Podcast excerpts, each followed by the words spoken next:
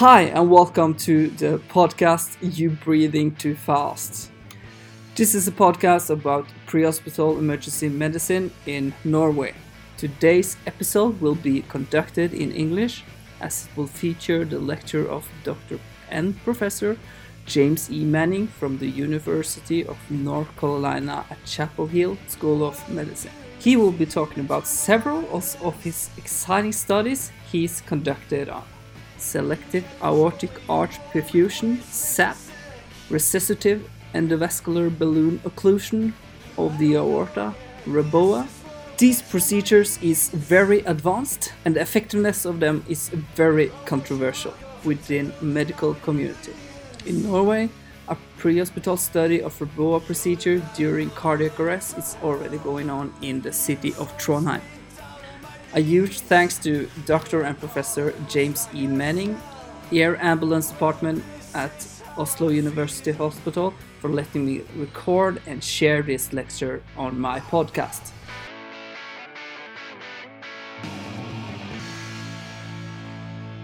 Very good.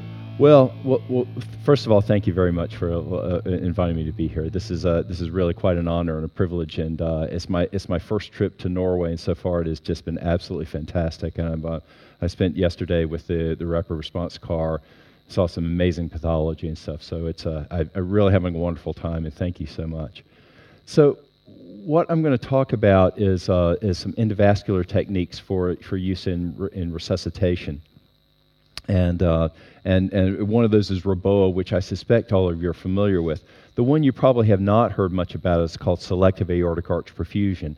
And that's what I've been working on in my laboratory for almost three decades. And so I'll tell you about that and, and, and, and how I think it fits into the scheme of what we can do with resuscitation. And we're at the point where we're trying to begin clinical trials. So maybe within the next year or two, we may be able to re- report on, uh, on some of the, the clinical uh, data for this. I will just start with this disclaimer is that there, there were some patents assigned to the University of North Carolina for uh, selective aortic arch perfusion. And they're also old now. They've actually all expired.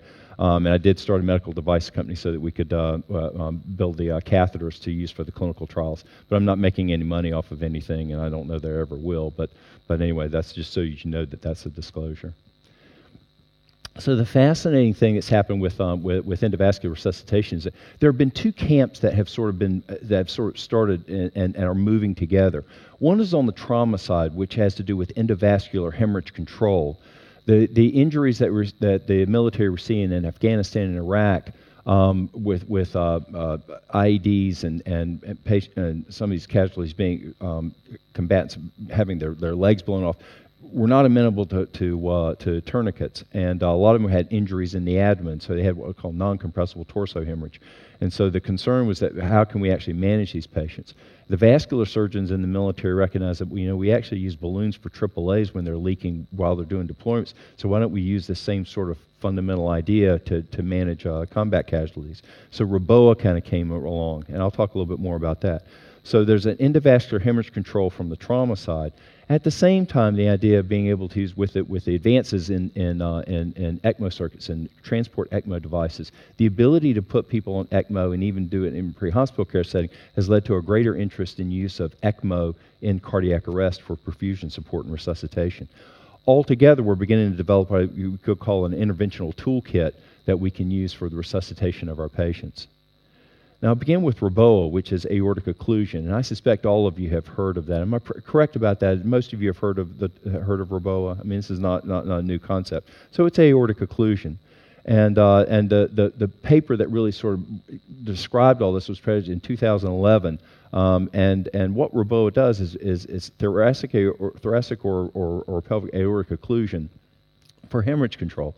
And when you blow up a balloon in the aorta, any distal hemorrhage that's arterial is, is, is cut off. The addition of that, not only you get hemorrhage control, by blowing up the balloon, you actually get an immediate increase in systemic vascular resistance, which gives you mean arterial pressure support and can give you time to actually do intravenous volume resuscitation to stabilize the patient. So that's the, the fundamental thing. And there are two zones, a zone one and zone three, as you can see in, in, in, in this diagram.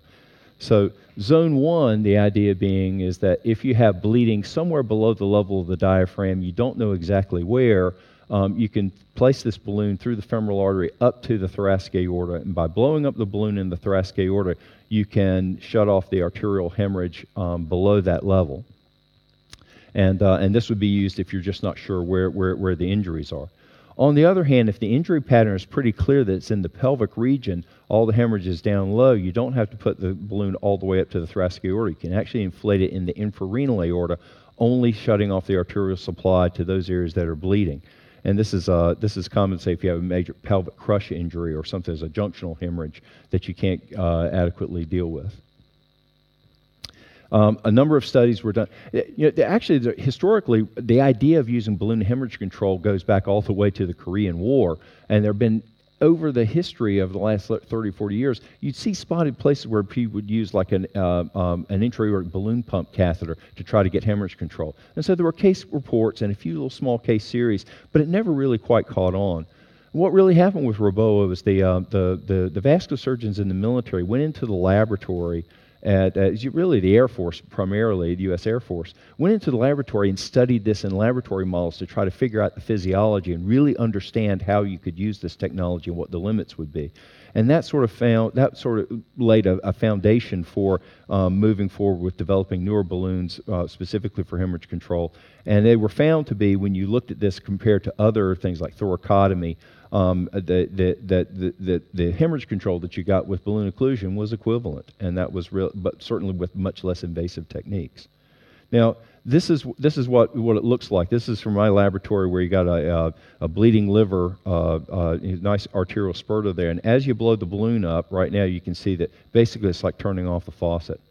So if you've got a, a, a, an arterial bleeder that's really going, you blow the balloon up and shut off the pressure, you can immediately uh, slow down the hemorrhage, and that's why you know REBOA does have uh, clearly a, benefit in, in hemorrhage.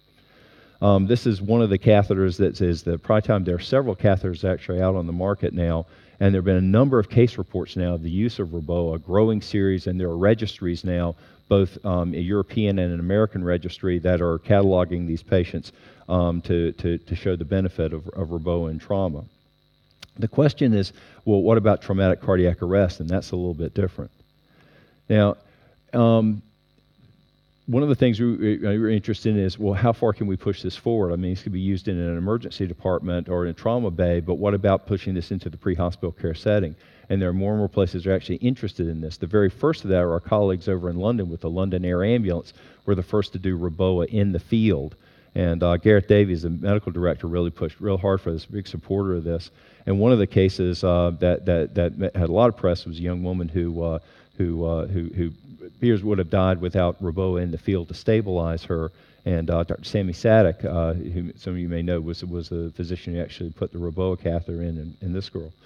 They started in, 19, in, in, in 2014, so, so they've been at this for about four years now, and they've they have only been doing zone three for pelvic injuries. That's been their their limit up to this point, and they've done about 14 total over the last four years. So they have been very selective in terms of the trauma patients that they've used this in. All of them have been pelvic injuries. All of them have had zone three.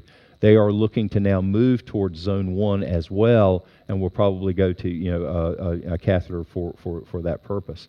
But um, so the, the interest is there, and other places are, are beginning to do this pre-hospital as well.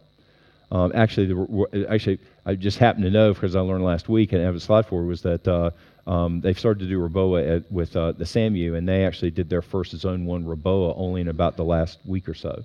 So that so they may, you may hear about that. The other thing is ECMO. When I was talking about the, the, the fundamentally, there's the, the idea of balloon occlusion for hemorrhage control on the trauma side. On the medical side, this use of extracorporeal perfusion for resuscitation, which I'm sure you're probably all familiar with. Um, and, uh, and VA ECMO has, has been growing in terms of its popularity and potential interest in use for, uh, for, for medical cardiac arrest. And, uh, and, again, pre-hospital, well, the SAMU have, have uh, th- this is probably the most famous picture on this where they're actually putting somebody in the Louvre on, on, on, on ECMO. But, uh, but they have, uh, but, but clearly with portable, um, uh, uh, with, with, with, portable devices, it's possible to actually put patients on ECMO anywhere in a hospital setting and in the pre-hospital care setting. And, uh, and this is Dr. Lionel Lamhaut, who was, he was one of the two really kind of started the program up. He's done more pre-hospital ECMO cases in cardiac arrest than anyone in the world, so really the expert on this. This is a picture of them actually um, putting a patient on ECMO. I actually, I've actually visited them about four times now, following Moran, watching them do this, um, th- this procedure. And uh, in this particular case, you look at this and you can see how they've, they've just gotten this patient on ECMO, and this is uh, in a train station. So it's uh, so you really can put people on ECMO anywhere um, if, if you have the capability and and and, uh, and and can get to these patients in a time frame that works.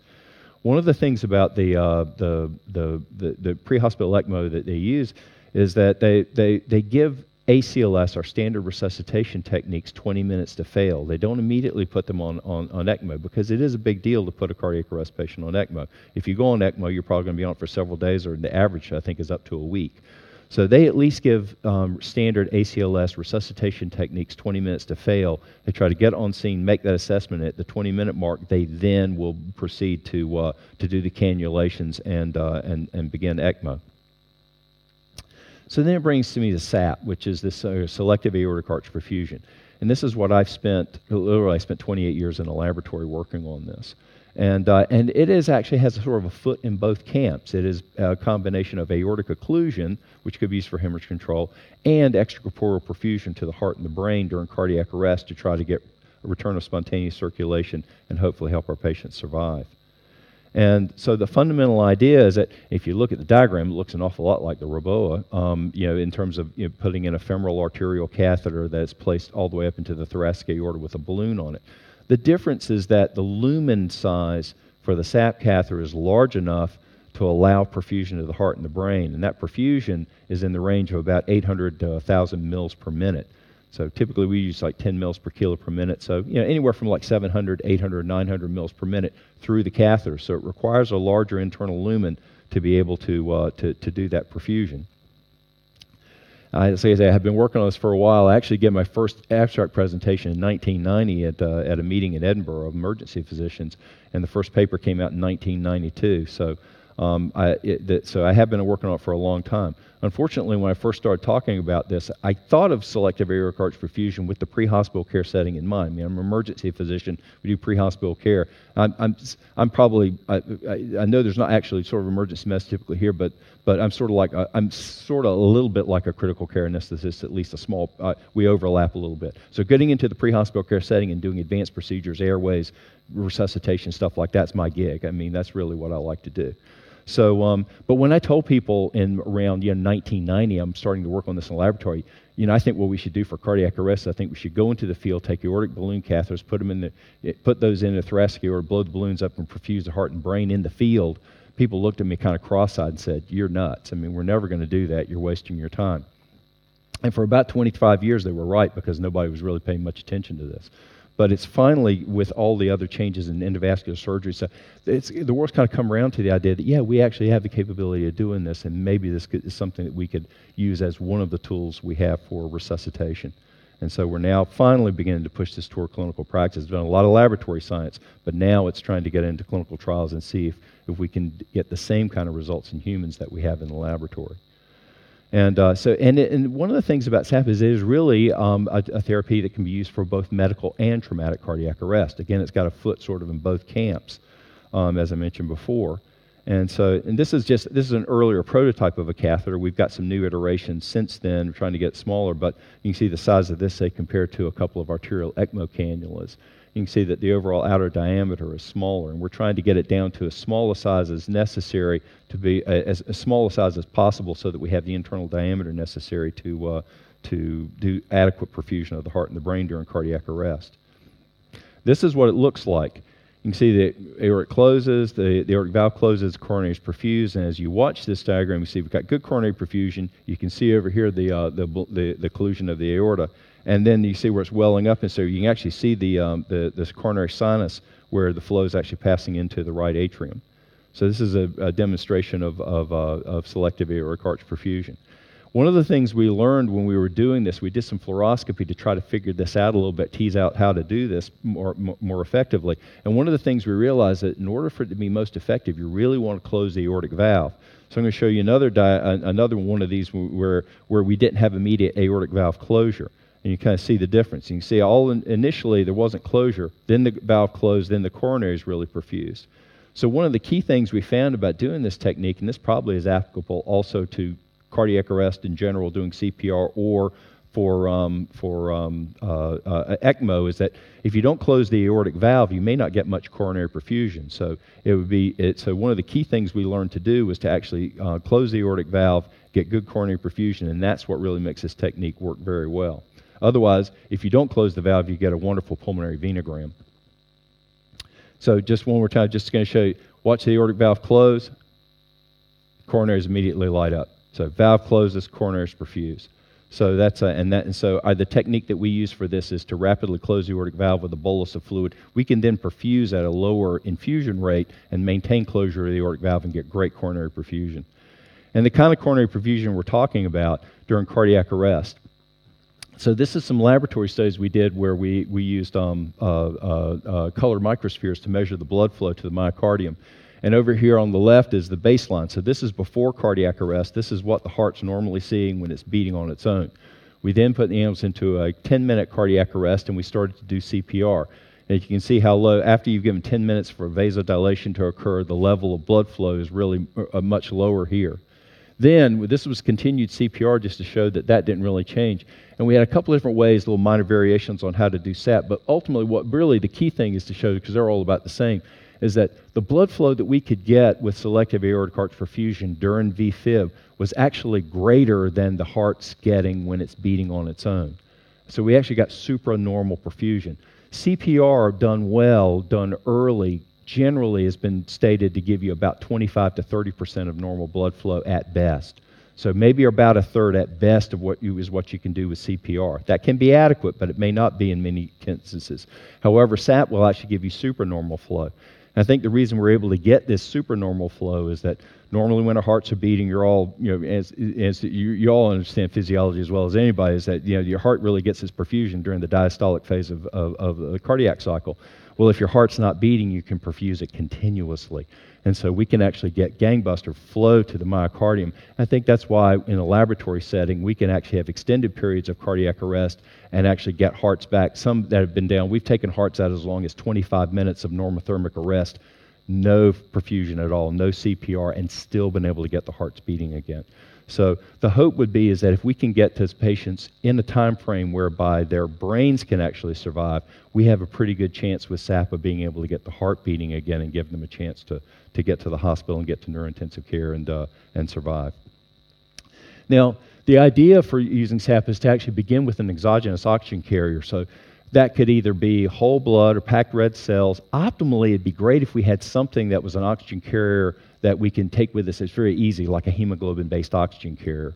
One of the ones we've actually, the one we've actually studied in our laboratory is actually room temperature stable for like five to seven years, which makes it very easy when you're thinking about trying to use this logistically in a pre-hospital care setting. But some sort of exogenous oxygen carrier that you bring with you. What that means is that once you get to the patient in a cardiac arrest, you can put in the arterial catheter, the SAP catheter, and you can begin perfusion immediately. Unlike with ECMO, where you're going to have to have both arterial and venous and a closed circuit in order to be able to initiate flow. So essentially, once you get vascular access, once you have, once you have a sheath in the, in, in the, uh, the, the femoral artery, the deployment of the catheter probably takes about 30 to 45 seconds, and you could hook it up and begin perfusion almost immediately. So it could be a way of being able to provide extracorporeal perfusion support to the heart and the brain very fast. However, it is possible that, especially in a medical cardiac arrest where, where, where volume loading will become a problem within a very few minutes, um, you can, if you, in the first two or three minutes or so, if you don't get the heart back to where you can shock them into a normal rhythm or the heart doesn't start beating again, during that first few minutes of the exogenous oxygen carrier, the idea is to also get venous access so that if you need continued perfusion support, you can begin to pull off their own autologous blood. And then essentially what we've set up by pulling off their autologous blood, running through a pump and an oxygenator, we've essentially set up an ECMO circuit that is really just supplying just your heart and your brain. So it's, it's it, I, I called it autologous blood SAP when I started working on this 28 years ago but essentially, what it is is it's ECMO just to the aortic arch. If you need that, If you're able to get return of circulation with the exogenous oxygen carrier, fine, you stop there. If you need to move on to autologous blood, SAP, or this limited body ECMO, you do that. If you um, are able to get return of circulation, fine. In a medical cardiac arrest, what you want to do is get the balloon down as fast as possible. So as soon as you get return of circulation, let the balloon down. Hopefully they're hemodynamically stable enough that they don't need any further support. If, that's, if they don't, you're done, and you can pull the catheter. However, if they are sort of somewhat unstable, they still need some perfusion support, and maybe they're even going to need to go on to full body ECMO. I mean, I'm not saying, hopefully SAP can help us get return of circulation, but some of these patients are going to be sick enough that they'll need to go on to ECMO anyway. And if that's the case, we can let the balloon down and give up to a liter a minute of perfusion support through the catheter to the entire body. And if they're not stabilizing very fast and it looks like, okay, they're going to need ECMO, then you go ahead and begin, at least buys you, it's a bridging therapy so that you can get the cannulas in, arterial and venous, large enough to be able to, to convert them over to full body ECMO. And that's sort of like the, the, the next step of this. So, in a way, SAP gives you sort of three options or steps in it so that it can take you all the way. Hopefully, you get return of circulation with the exogenous oxygen carrier. You're done. If not, autologous blood SAP. If, you're, if, you're, if, you, if that's all you need, you're done. If you need some partial support, you can do that while you're bridging them to full body ECMO. So we can escalate to the level of care that that individual patient needs. Now, let me talk about just how, how you can use SAP in trauma. I actually I, div- I came up with the idea of selective aortic arch perfusion, started working on it, thinking of pre hospital medical cardiac arrest. I was thinking of VFib. I wanted to get to these patients in the field and do something as simple as possible that would give me great perfusion to the heart and the brain. So that was how I started out thinking about it. After I started working on it in a laboratory and realized, well, one of the things is that there's some volume limit to this. You can't just keep pushing in volume. It occurred to me that, you know what, this, is, this technique works really well for ventricular fibrillation cardiac arrest, but it is almost like made to order for traumatic cardiac arrest. They're hypovolemic, they're in a cardiac arrest, and they may be hemorrhaging below the level of the diaphragm. So I could put in the catheter, blow the balloon up, and essentially that's like in a functional aortic cross clamp. I can perfuse the heart and brain with an exogenous oxygen carrier, so that's you know the perfusion that you need, kind of like squeezing the heart. And oh, by the way, if you're really hypovolemic, I can restore a 50% volume loss in about four to five minutes. So it kind of made sense that, well, I should actually look at this in a trauma model. And so began to, to, to actually study that some. Because you have that intravascular volume repletion and, uh, and, and the abdominal hemorrhage control, much like you would with a zone 1 Reboa catheter. And so our first study uh, uh, we published in Critical Care Medicine back in 2001. And I actually noted that the SAP catheter acts as a functional aortic cross clamp. Unfortunately, 2001 was still a little bit early for this. I mean, we published this and really didn't get much uh, uh, feedback from it. So it wasn't until about a decade later when Reboa came along that we just began to get some interest in the idea that, yeah, this might actually work. But um, what we did find was when we used this with a hemoglobin based oxygen carrier, and we found that we had like six animals that we arrested all the way down to bradyasystole, no pressures, left them for three minutes in asystole, and then started to do this infusion. And uh, what we found was within about two minutes, we actually, two minutes of infusion, we were able to get return of spontaneous circulation. First, a return of electrical activity, then a return of actual the heart beating adequately without the need for any intra-aortic adrenaline or any other therapy, no CPR or anything else. And so, of course, now optimally it'd be great if we had a hemoglobin based oxygen carrier. However, we don't have one at present time. And so we went back and started looking at the oxygen carriers that we do have, and the options being either packed red blood cells or whole blood. And, uh, and, and these actually work just fine. The only problem is that you do have the citrate anticoagulant to, to deal with. So if you're going to use blood or packed red blood cells, you also have to match that in the infusion when you're doing it. You have to put in enough calcium chloride to normalize the ionized calcium. Because as you can imagine, if you take citrated blood, we, we, we, we, put the citrate in to bind the calcium. So if you, if you take a, a, a, an aliquot out of a, out of a blood bag and, and measure the ionized calcium, it's undetectable. Um, so your heart's not going to like that. If you take over perfusion with that and, and don't give it calcium, the heart's not going to like it. It's a great way to put you into refractory VFib. So you have to match it with calcium. That's doable. We've done it in our laboratory, and it's actually worked quite well. This is an example of it here where you can see we actually start, there's a little bit of artifact over here, but really this is this is asystole. There's we're moving around. There's a little bit of jostling. But once we start the infusion, and there you can see a little bump there. That's the bolus that we give to uh, close the aortic valve. Within about 10, 15, 20 seconds, we begin to see return of electrical activity. That's the first thing that happens. But the heart's still too weak to beat adequately. But then, as you see, as the, the electrical activity steadily increases, increases, and the myocardium is perfused better, then we begin. To, then we see the heart beat and actually come out, and we got return of spontaneous circulation. Let's see here. This is another example where it's similar, same sort of thing. Where we're actually this is these actually, believe it or not, are P waves over here. But this is a, but but we began, got got return of electrical activity, um, QRS activity. But we got out to about almost two minutes of perfusion, and we really hadn't seen the myocardium really kicking in.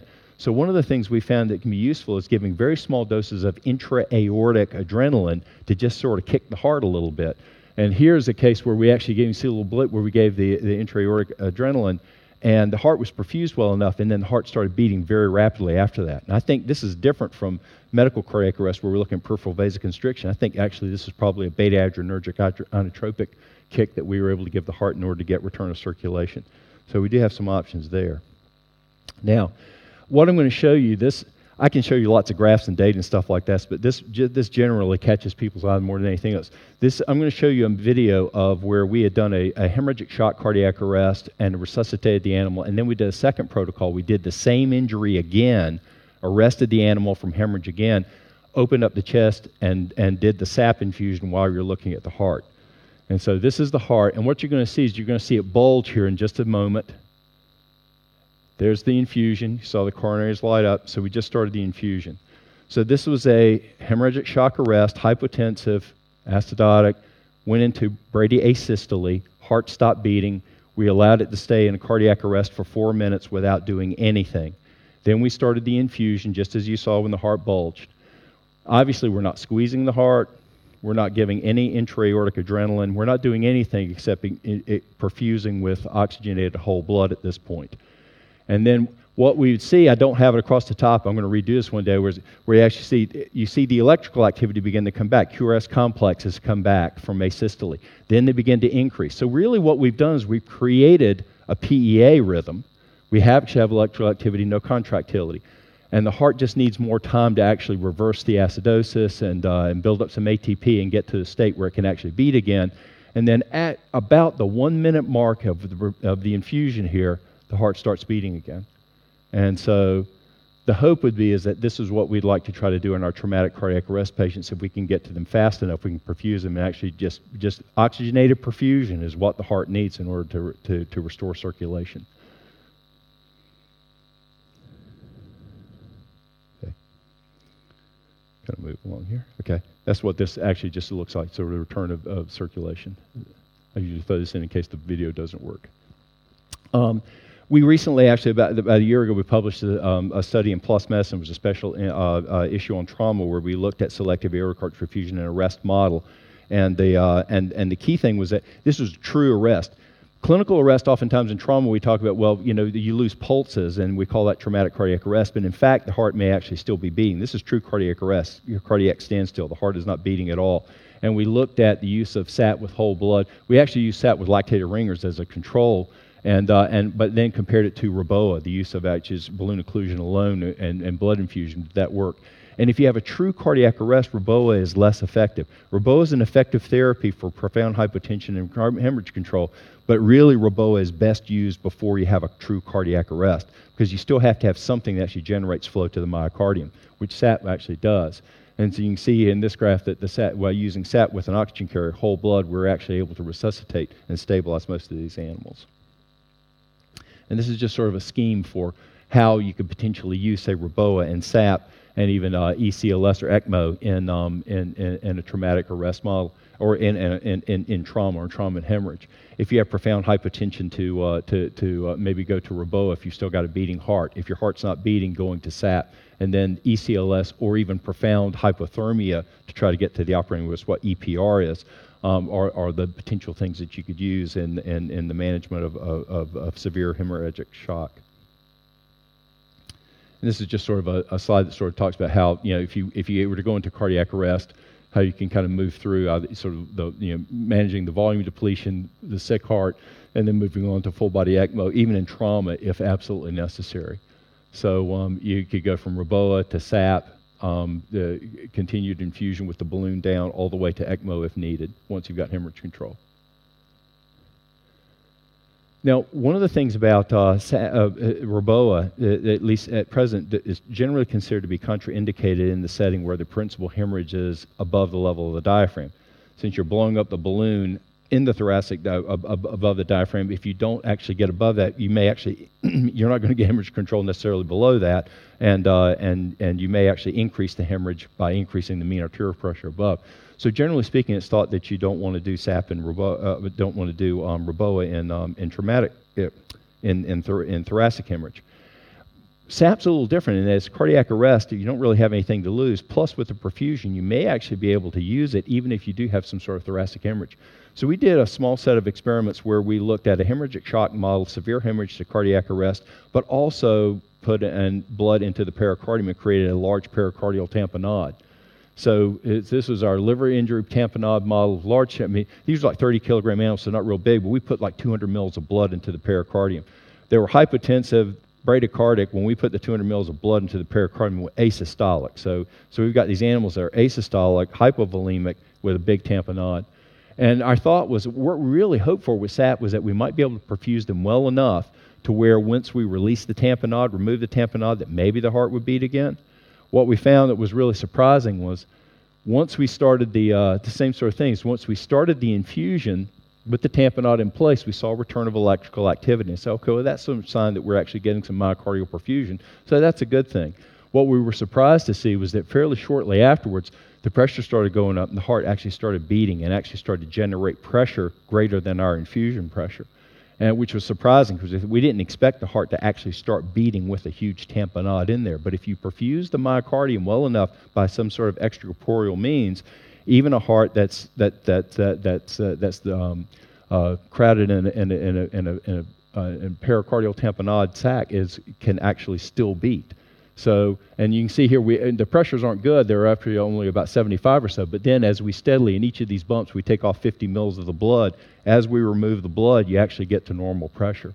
So, I don't know what this really means for how we could use this. It might be a very temporary bridge until you can actually do a more careful thoracotomy or relief the tamponade. But the interesting thing is at least that potentially in thoracic injuries or even with a tamponade, SAP may actually play some role in, uh, in initial resuscitation and, um, and uh, and, and bridging to uh, surgical intervention.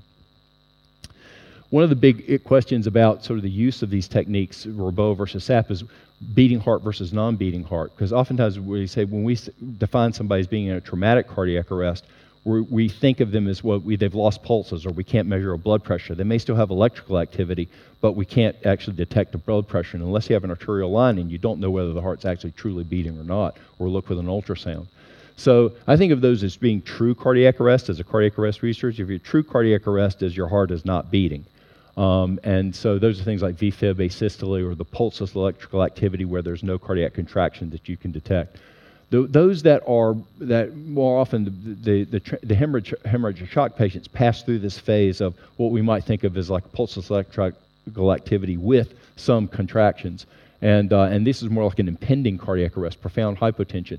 These are ones that may still be amenable if their pressures may be like 30 or 40. If you can get a REBOA catheter and blow the balloon up, boost their pressure a little bit, and then actually perfuse them well enough, you may be able to get them back. But if you, if you actually get all the way to a true cardiac arrest where their bradyasystolic heart's not beating, REBOA is going to be less effective in those cases. So, sort of think of it as where along, the big question is sort of where along the continuum are you? Are you in this really low perfusion state where you may be losing pulses all the way down to nothing at all? And so I sort of think of it as far as which are, which are the, the therapies that we might think of among REBOA and SAP. And again, uh, and one of the things I want to point is that uh, what I have learned from being a resuscitation researcher over all these years is that the critical thing is perfusion. If you look at all the things we do in cardiac arrest therapy, ventilation we do very well. Our defibrillation therapies work really well. But really, the thing where we, our Achilles heel, our weakest link has been perfusion, our ability for CPR in, in, in many instances to uh, provide adequate perfusion of the myocardium so that we can get return of circulation. And so, if your heart's not actually providing perfusion, especially in a hypovolemic state, you got to do something else that is adequate. So, um, so that's sort of the key. One of the things that from our laboratory, we actually looked at in a hemorrhagic shock model. We looked at what was the boost in mean arterial pressure at various levels um, with, uh, with say, balloon occlusion alone. And you can see that, that here that if you've got a um, if, if, if you have a if, if you still have a, even a mean arterial pressure, the heart's still beating, you've got a mean arterial pressure that's maybe in the, the 25 to 30 range, something like that. You can get about 10, 12 millimeters of mercury pressure boost just with balloon occlusion alone. That might be enough to buy you time to keep the heart beating so that you can rapidly give blood intravenously, allow the heart to circulate that, and you may be able to pull them back. But that's about the limit of what you probably can do easily with sort of a ROA. If, however, you wait until there's no pressure at all, blowing up the balloon does essentially nothing. So, um, so that's why REBOA really should be used earlier in uh, hemorrhagic shock before you actually have in, you know, cardiac arrest, whereas SAP is probably a better therapy for the, the cardiac arrest patients. And that's uh, kind of what I'm sort of pointing out here is that th- this really profound hypotension, maybe you can do REBOA and IV blood here before they, uh, they, they really begin to spiral and, and, and have uh, impending cardiac arrest. Oops, went too far. Um, whereas impending cardiac arrest, right about to arrest as you're beginning to put your catheters in, or if they're truly in arrest, things like SAP, this is where we do emergency resuscitative thoracotomy or ECMO. Um, these are the therapies that, that are more aggressive that will actually provide better perfusion. This in between zone sort of the question is, is what, do you, what do you do in this in between zone? And I'm not sure which one it's going to be. As we get these therapies out there and you get more experience with them, we'll get a clearer idea of where's the dividing line where you can use, say, REBOA and IV blood to pull somebody back versus when do you need to move on to something like SAP or ECMO or emergency thoracotomy straight up. Again, this is the, the diagram that, that, that sort of, you know, kind of puts those together. I think I've kind of covered this already, so I'm going to move on. Last thing I was going to try to talk about here a little bit, I may be running a little bit over, um, but I'll, I'll, I'll, run shorter on the next talk. The, uh, the SAP and medical cardiac arrest, which is really where I kind of started. I focus mostly on trauma because mostly, most of the interest right now is actually in traumatic cardiac arrest. Um, but uh, but I, again, I did develop this for medical cardiac arrest. And the idea of the balloon was just to make sure that all of that perfusate went to the heart and the brain as much as possible because it's a volume loading procedure, and I didn't want it to. Uh, I, I wanted to get the maximum bang for buck to the heart and the brain before I ran out of the ability to, uh, to give more fluid. And, uh, and you do have the option of giving intra-aortic adrenaline, which we've actually found to be beneficial. It's also a very fast way of actually getting hypothermia. If you believe in hypothermia, you want to get the temperature down, we can, uh, we, we can cool you down to whatever temperature you want, probably within about four to five minutes. I think I'll just skip this because I think I'm running a little bit long, but uh, I'm just running. That, that was basically. Uh, I was this. This is what I was going to just show you because it, it, runs for about two minutes, and I think I'm running a little long here. If you do CPR, you can see over to the left there's a CPR, and what we do in medical cardiac arrest is we begin the perfusion, and what we actually watch is the V is the ventricular fibrillation energy pattern. So you go from more of a fine VFib to a progressively coarser and coarser VFib with greater amplitude, greater median frequency. It just shows that you have greater energy pattern. And so typically what we would do is we'll start the infusion and go for one to two minutes and look at the energy pattern of the VFib. And when it looks like it's really good, what we'll do is actually just stop, charge, shock them, and we get return of spontaneous circulation. Again, this is kind of kind of concept of how we can use SAP for medical cardiac arrest cases. Um, another one where we actually that was used with whole blood. We've actually used this um, with hemoglobin-based oxygen carrier and, uh, and, and this, in this case, we actually shocked this particular animal into a PEA rhythm, no pulses, just had slow electrical activity. Began the, uh, the infusion, saw the electrical activity pick up, and then steadily, almost like with the hemorrhagic shock cases, the, uh, the, the heart starts beating again once we've perfused it adequately for a long enough period of time. And the, the idea is, again, much as I kind of pointed out before, is you start with SAP with the exogenous oxygen carrier. Hopefully that's all you need. You stop, you pull the catheter. If you need to go to autologous blood, you do until you get return of circulation. Hopefully, that's all you need. If so, you pull the catheter. And then uh, to on to uh, you know the partial ECMO if they're unstable, so that you can bridge them to uh, full body ECMO. So one one of the questions really sort of might be is well, what's the advantage, say, of say selective aortic arch perfusion in medical cardiac arrest as opposed to well, why don't you just go straight to full body ECMO, which is a fair argument, and I don't really know how this will eventually shake out. The one thing about potentially using SAP in medical cardiac arrest is that we're talking about putting in a catheter that will fit through a 12 French introducer, and that may be all that you need to actually resuscitate them. If you can get return of circulation relatively quickly and they are pretty stable, you can just pull the catheter, pull the sheath, and you're done. If you put somebody on full body ECMO with a 19 French arterial and 21, 23 French venous, you're not taking them off in 15 minutes. I mean, you're, I mean that's a big, that's a, a, a, a big procedure. Most of those patients will stay on probably ECMO for a period of several days. Some of them may need it, and if they do, we need to transition all the way up to that. But uh, the thought is that maybe there may be a number of these cardiac arrest patients, we may be able to actually get return of circulation. They're relatively stable, get them to the cath lab, whatever they need, and they don't need to be on several days of ECMO. And I think uh, ECMO is fantastic. I'm an ECMO fan, but uh, ECMO is, not, is also not a freebie, as it, all of you in here who do intensive care and ECMO know there are plenty of things that can go bad on ECMO. And if we can avoid it with something that's relatively short, that might be the better way to go. Time will tell as we get into clinical trials. And I, I have no idea what my timing is. I'm probably going way over, but thank you so much. I appreciate it.